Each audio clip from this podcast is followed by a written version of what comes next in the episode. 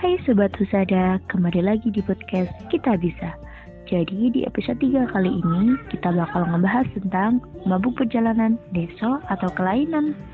Nah, jadi gini gengs, yang suka bingung kenapa sih cuma naik mobil, bus, dan transportasi lain kok bisa mabuk? Desa ya? Atau jangan-jangan punya kelainan? Hmm, tunggu dulu gengs, sebenarnya kalian tahu nggak sih apa itu mabuk perjalanan? Jadi gini, mabuk perjalanan itu suatu kondisi tidak nyaman yang dialami seseorang ketika berpergian dengan kendaraan seperti mobil, bus, kereta api, kapal laut, atau pesawat terbang. Apa sih kak penyebab mabuk perjalanan? Jadi gini gengs, mabuk perjalanan terjadi akibat ketidakmampuan otak menerima dengan baik campuran sinyal dari beberapa anggota tubuh. Dalam suatu perjalanan, mata dapat melihat ke arah yang berbeda dengan yang dirasakan otot dan sendi.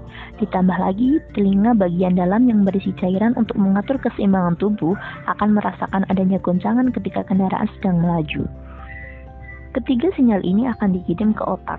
Namun, otak tidak mampu memproses dengan baik sinyal-sinyal yang berbeda tersebut. Nah, hal ini yang membuat kerja otak menjadi kacau dan timbul keluhan mabuk perjalanan.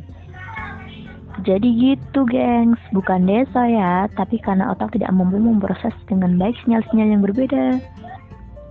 Hmm, sedikit tips nih buat mencegah mabuk perjalanan. Yang pertama, jangan sampai perut kosong ketika akan bepergian, namun jangan makan makanan dalam jumlah yang besar. Kedua, jangan bermain gadget atau membaca buku ketika sedang dalam perjalanan. Dan ketiga, kalian bisa minum obat mencegah mabuk perjalanan. Semoga bermanfaat ya.